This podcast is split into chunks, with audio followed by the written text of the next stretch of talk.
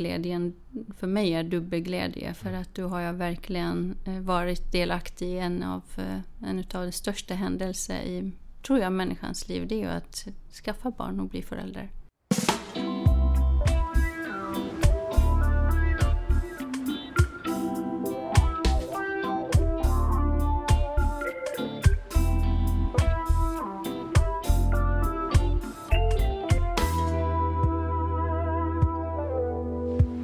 Varmt välkomna till Vårdfrågan, en podd från Praktikertjänst om hur vi ger bättre vård till ännu fler.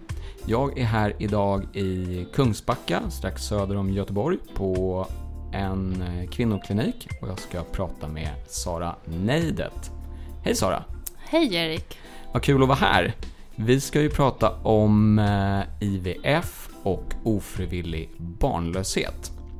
Eh, två väldigt intressanta ämnen tycker jag.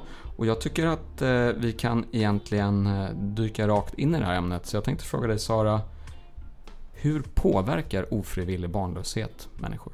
Det är blandning av olika känslor. Det kan ju, det är ju, dels kan ju vara problem eh, alltså känslomässigt att de är, känner sig eh, förtvivlade.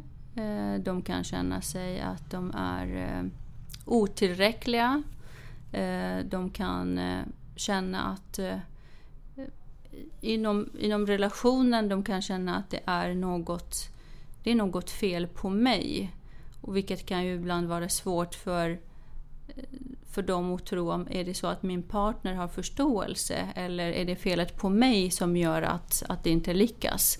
Och vice versa. De, ehm, Eh, kan eh, känna eh, känslor av att ehm, oro framför allt många gånger. Att eh, är det något, är det här kommer, kommer vi lyckas någon gång? Eh, det kan ju även vara känsla av rädsla, Eh, oro och rädsla att de, att de inte lyckas någon gång. Är det så att jag kommer aldrig att kunna bli förälder? Eh, eh, det kan ju även vara en ehm, känsla av att ehm, ja, men förtvivlan. Det är väldigt blandning av olika känslor. Det är eh, att bero på om man inte hittar någon orsak till infertilitet. Eh, och då blir man också förtvivlad. Om inte det finns något fel, varför lyckas vi inte? Upplever du i jobbet att det finns ett liksom, stort samhällstryck på att man ska vara förälder? Eller på att man ska kunna bli med barn? Um, ja, alltså både ja och nej. Alltså jag tror vi är människor är... Eh, vi, är, vi föds för att vi eh, någonstans där vi liksom har eh, kommit, kommit liksom en, en lång bit fram i vår, i vår liv, i vår karriär. Eh, där liksom man är ju har en bild inom sig där man ska skaffa familj och barn. Eh, traditionellt sett att man har ju liksom en, en, partner och så ska man ha barn. Och då är det driften som människan har, har är att eh, man vill eh, föra sina gener mm. vidare. Mm. Det, det är liksom den, den normala, vanligaste driften. Att det, det känns liksom, det finns en slags nyfikenhet hos oss människor som gör att vi eh, blir liksom spännande hur jag kan föra över mina gener vidare och det kan leva vidare. Det är den allra största eh, eh, drivkraften som vi har. Eh, krav från, ja det, det i, i, sin tur det blir som en krav som vi människor har ställt på oss själva eh, innan att någon annan. Sen kan ju ha naturligtvis, den har ju, kan ha, alltså eh, infertilitet är eller blir förälder, det är en mångfacetterad eh, fråga där det styrs ju mycket av eh, av eh, olika faktorer. Det kan vara sociala faktorer, kulturella faktorer. Det kan ju vara eh, psykologiska faktorer. Eh, och, och, naturligtvis att en del av de här är ju längtan till att känna hur det känns att bli förälder. Vilket i sin tur också återigen ställer kanske um, en indirekt krav på oss själva att nyfikenheten gör att vi vill gärna gå vidare med den här frågan. För fråga, upplever du att människor generellt tycker att det är liksom för lätt att få barn? Att det finns en så känsla i samhället att det är bara att skaffa barn? Eller? Mm. Det är också en väldigt eh, återkommande eh, ja, diskussion eller eh, en återkommande fras man hör mm. och alltid hört nästan. Eh, att det är klassiker att man säger men det är ju det är många som blir gravida. Det är bara att bli gravid. Varför blir jag inte det? Så det är absolut väldigt klassiskt att... Eh, och det är så.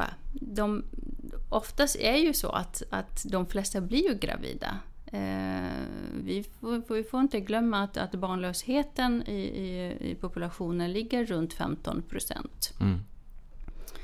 Eh, vilket, eh, vilket innebär att de flesta ju är inte barnlösa. Och det går att skaffa barn och det är ju mm, många gånger går ju väldigt, väldigt bra. Mm. Eh, vilket gör att det blir svårare för eh, personer eller par som, eh, som inte lyckas. Eh, blir ju eh, blir det här att, att, att ja, men varför alla andra lyckas och inte vi eller inte jag. Jag har själv lite erfarenhet från det där nämligen. Jag vet att när jag och min, min fru planerade att, mm. att skaffa barn så, så hörde vi det från åtminstone en person att det är ju bara att skaffa barn liksom. Mm. Medan både jag och min fru har nära vänner som inte har kunnat få barn mm. och har ja, men tagit till andra vägar och sådär. Så för, för vår del så låg det väldigt nära till hands och blev nästan lite så här ja men jag ska inte säga irriterade, men lite så här, du kan ju inte gå och säga sådär liksom, bara för du har blivit gravid. Så innebär inte det att vi kan bli det liksom. Nej man, det känns som att man behöver trampa lite försiktigt i den där eh, diskussionen. Eh, eller de där frågorna. För man kan inte absolut. utgå från att alla mm. kan bli gravida Nej. på ett annat sätt. Nej, men absolut, absolut. Och det kan vara riktigt känsligt för många. Att eh, ja, liksom, det känns som ett nonchalant. Framförallt om man inte vet vad personen eller paret har, har gått igenom eller var, var de befinner sig. Mm. Eh, men det är ju lätt att, lätt att glömma det. Det är lättare när man jobbar med det så att mm. man tar hänsyn till det många gånger. Eller om man har själv varit med om det. Mm. Eh, då är det också lättare att ta hänsyn till naturligtvis. Men du, eh, Sara, eh, vi ska ju återkomma till det här med ofrivillig barnlöshet och vad man kan, vad man kan göra som, som patient för att försöka liksom, eh, komma omkring, kanske inte, inte infertilitet, men att komma omkring och bli med barn i alla fall. Mm. Eh, men jag tänkte, vi är här i Kungsbacka idag. Mm. Eh, kan inte du bara säga några ord om dig själv, om vad vi är och hur du landade i den här specialiteten? Hur hamnade jag här? Ja, mm. eh, innan jag kom här till Kungsbacka så har jag jobbat i cirka tio år i, eh, på Sahlgrenska. Eh, och eh, det började jag där efter att jag blev specialist, färdig specialist. Eh, och eh, jag valde och direkt att jobba med barn just, just inom reproduktionsmedicin och IVF. Och det är också någonting som växte fram under min specialisttjänstgöring inom gynekologi. Att, eh, dels inom reproduktionsmedicin jobbar du med hormoner. Eh, mycket inom den hormonella eh, eh, världen hos kvinnor men även lite hos män men framförallt hos kvinnor. Eh, vilket är, tycker jag är väldigt, väldigt intressant. Eh, och jag tycker fortfarande det är väldigt intressant. Eh, plus att det här med infertilitet och IVF, där är ju ganska brett och det är ganska... Jag tror jag känslan att man följer upp personer som är i en svår kris i livet och kunna försöka och medverka eh, förhoppningsvis bara positivt. Mm. Eh, och oavsett om de lyckas eller inte, eh, då är det ju fantastiskt att kunna vara en delaktig i, i den, under den perioden, under deras resa. Eh, och när de lyckas så är glädjen för mig är dubbelglädje. För Mm. att då har jag verkligen varit delaktig i en av, en av de största händelser i, tror jag, människans liv. Det är ju att skaffa barn och bli förälder. Och eh, jag tycker nu har det gått ett och ett halvt år sedan eh, jag tog över den här Mm. kliniken som har funnits faktiskt över 30 år. Men, eh, och vi heter fortfarande Kvinnolivet som Mm. en del av praktikertjänst men det var någon medarbetare häromdagen som sa att vi ska kalla det det nya kvinnolivet. Med nya kvinnolivet. Nya kvinnolivet. Okej. Ja. Och det tycker jag väldigt, det lät väldigt bra. Patienter, kvinnor, par som, som vänder sig hit då när de Mm. upplever att de har eh, svårt att bli gravida eller, Mm. eller bli med barn. I vilket stadie är oftast de? Hur länge har man försökt och prövat innan Mm. man kommer hit? Mm. Det är också väldigt varierande. Nästan i alla stadier kan jag Okej. säga. Men de flesta ju söker eh, där de har försökt i minst ett år. Ja. Eh, Och då enligt eh, riktlinjer att eh, man kan faktiskt i Sverige att man kan ju söka för en fertilitetsutredning om man, inte, om man har haft en eh, aktiv försök till att skaffa barn Mm. på egen hand och inte lyckas efter ett år så kan man ju söka för att göra en infertilitetsutredning. Så det de flesta har söker för att börja, påbörja utredning eh, redan efter ett, ett år försök. Då. Har de flesta koll på det då? Att man kommer till dig och så säger man att vi har försökt, eller jag har försökt att bli, bli gravid nu i ett år. Nu vill jag ha nu vill jag testa IVF. Mm. Eller kommer man till dig med ett, liksom, som ett oskrivet blad? Eller vad, De, vad kommer, nej men de flesta tycker jag är väldigt bra pålästa. Ja. Eh, Och de flesta har liksom sökt och kollat runt omkring eh, innan de söker. Mm. Eh, och de flesta ju eh, vill veta om det är något, det klassiska är de vill veta om det är något fel på oss. Mm. Att vi inte har lyckats. Nu har vi försökt i ett år eh, och vi inte har lyckats, eller drygt ett år. Eh, och då vill vi veta om det är något fel på oss. Sen, eh, det är inte så att alla kommer att säga att "Men vi vill gå direkt i IVF, utan Nej. de flesta vill veta. Det är det, väldigt, det vanligaste, för att vi är som människor. Vi, eftersom vi, tillbaka till din föregående fråga om hur Eh, är det så att många bara tror att man kan bara bli gravid eller så att det är många som är det? Och det är faktiskt så för att många tror att men jag har, vi har försökt nu inte blivit gravida, varför det ska vara så svårt? Så är det något fel på oss Mm. eller på mig. Eh, och, och det är det absolut vanligaste. Sen kan ju, det finns ju naturligtvis eh, par eh, eller, eller ensamstående som har eh, varit och gjort olika behandlingar, alltså assisterad befruktning, kan vara inseminationer eller kan vara IVF-behandlingar och inte lyckas.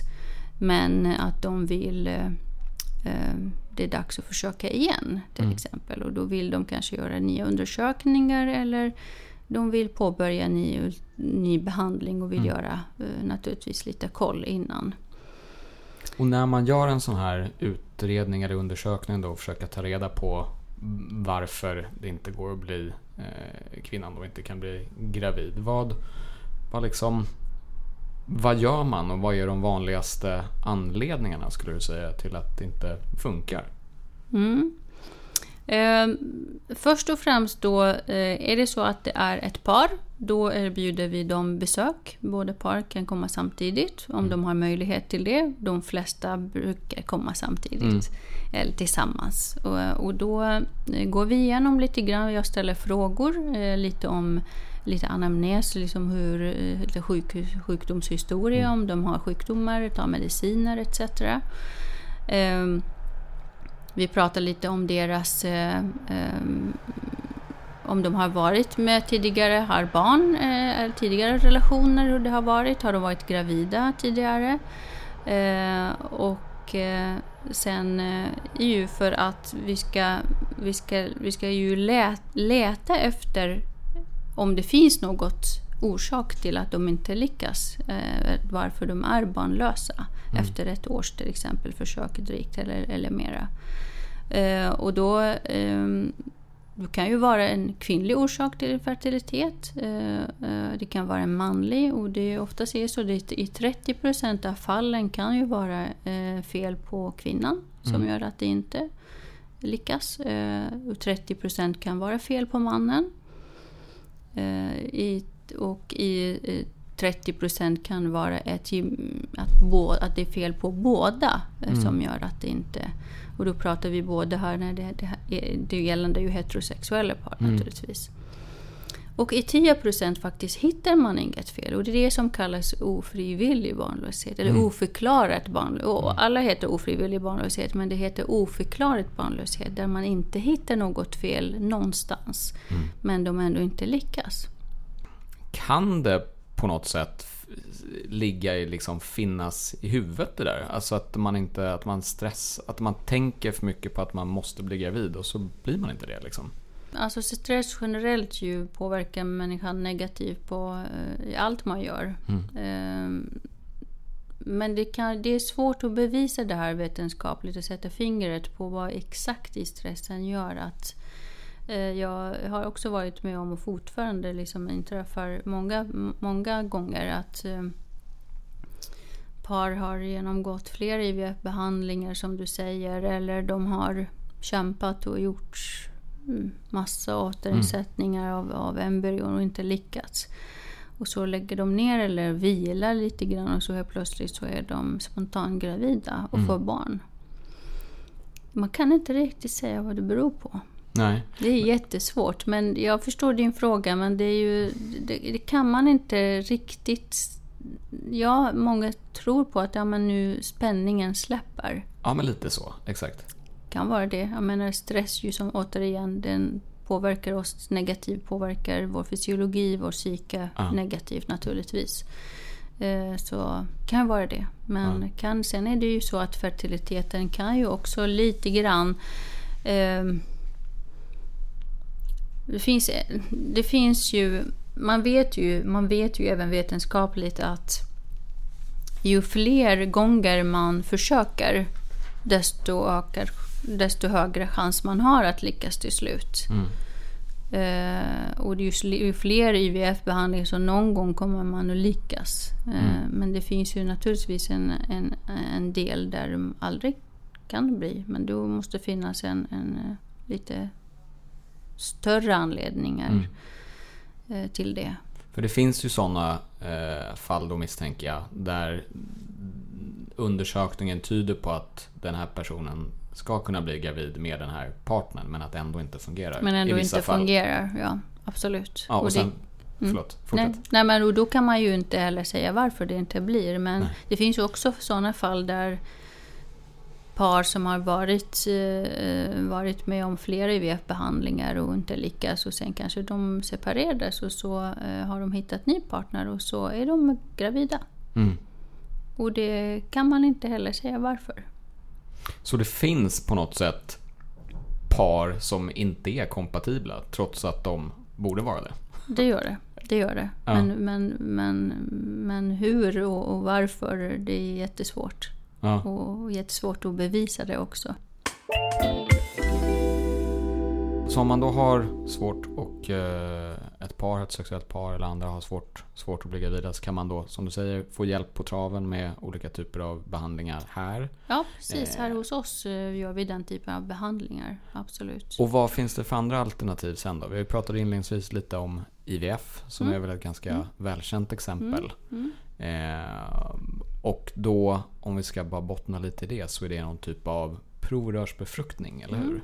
IVF, ja, in vitro-fertilisering, det vill säga, eller så kallad in vit, eh, eh, provrörsbefruktning. Mm. Kort och gott betyder att man gör en, gör en assisterad, så kallad assisterad befruktning, det vill säga att man styr befruktningen utanför eh, kroppen. Mm.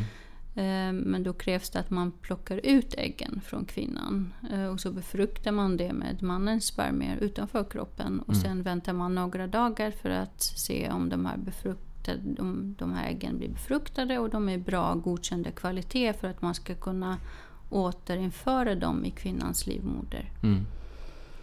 Ehm, de, alltså ors, det, oavsett vilken an, orsak till, eh, till ofrivillig barnlöshet eller infertilitet är, eh, då många gånger eh, blir det ändå i slutändan att man rekommenderar, om man inte lyckas med andra typer av, av behandlingar, om det finns naturligtvis indikation för, då leder man ändå rekommendera vidare att gå till göra IVF-behandlingar. Mm. Hur länge har den metoden funnits? Den metoden har vi, vi känner säkert till alla att eh, första IVF-barnet kom till världen 1978 ja. i England, eh, Louise Brown. Eh, och i Sverige har vi faktiskt, den metoden har börjat sedan 1981. Okay. Och första barnet föddes 1982. Ja, så det är ett ganska I Göteborg dessutom. Aha, okay. ja.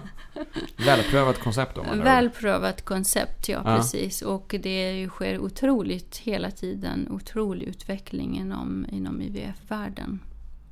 Men du, om en IVF-behandling då misslyckas och det inte funkar gång efter upprepade tillfällen då. Mm. Eh, vad, vad är nästa steg om man liksom som par då eller patient vill göra mer? Finns det något nästa steg eller är det liksom vägs ände?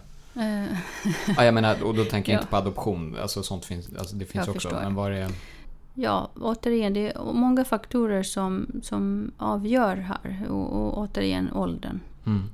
Och hur, hur mycket är var man befinner sig och hur mycket är man beredd att fortsätta. För det är ju också tär på psyket. Jag menar, man kan ju inte heller... Många orkar liksom inte ha lagt flera år av sitt liv på det och, mm. och känner att de får de här en, en oplanerad avbrott i livet som ibland kan ta eh, år. Mm. Eh, och då måste man ändå försöka kunna överleva den här krisen, att gå vidare. Då en del ju jag ger upp, eh, eller en del går vidare med adoption. Mm. Om inte nu återigen, eh, om det nu äggdonation är en möjlighet och inte lyckas där.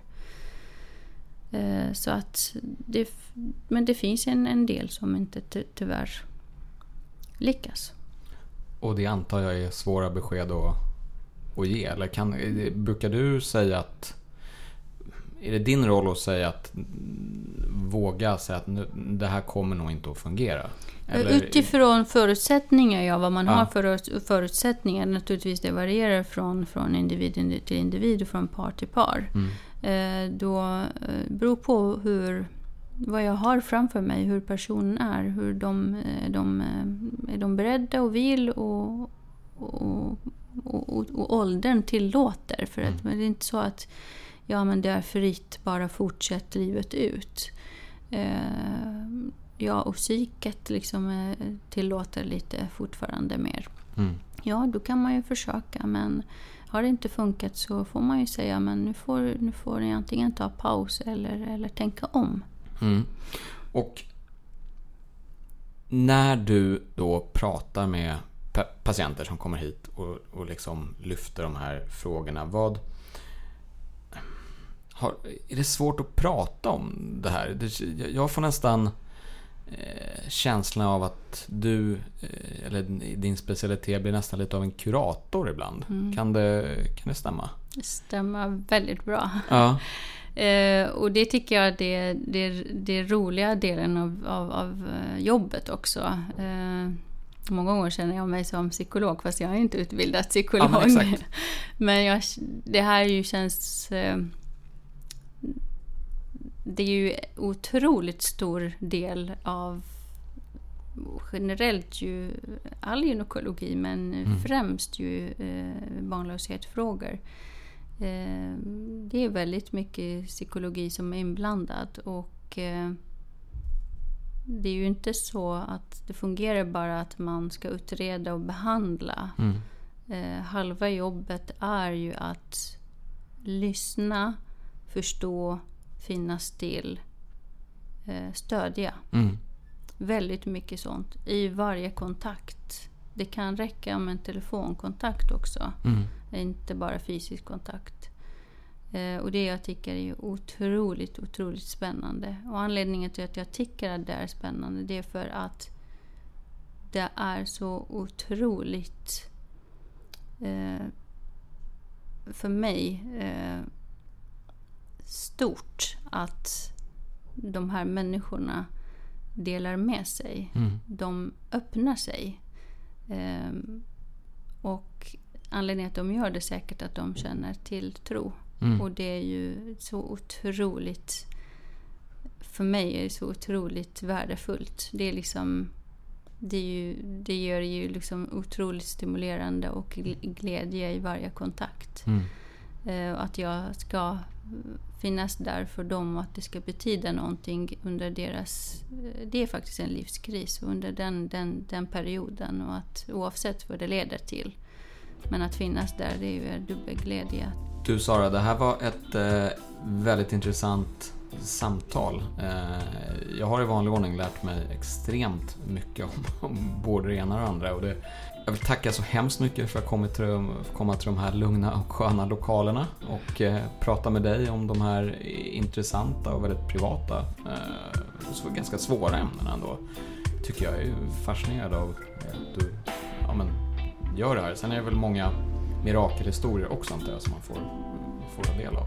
Det är det även om man inte tror på, mir- på mirakel, men det kanske finns men jag skulle tacka själv också så hemskt mycket för att jag eh, fick eh, dela med mig lite och vara med om det här. Eh, Och jag känner att jag, vi kunde ha pratat flera timmar till för det finns otroligt mycket mer att berätta. Men vi tar det kanske nästa gång. Vi får bli nästa gång. Komma tillbaka till Kungsbacka. Du är så välkommen. Tack så mycket. Tack ska du ha.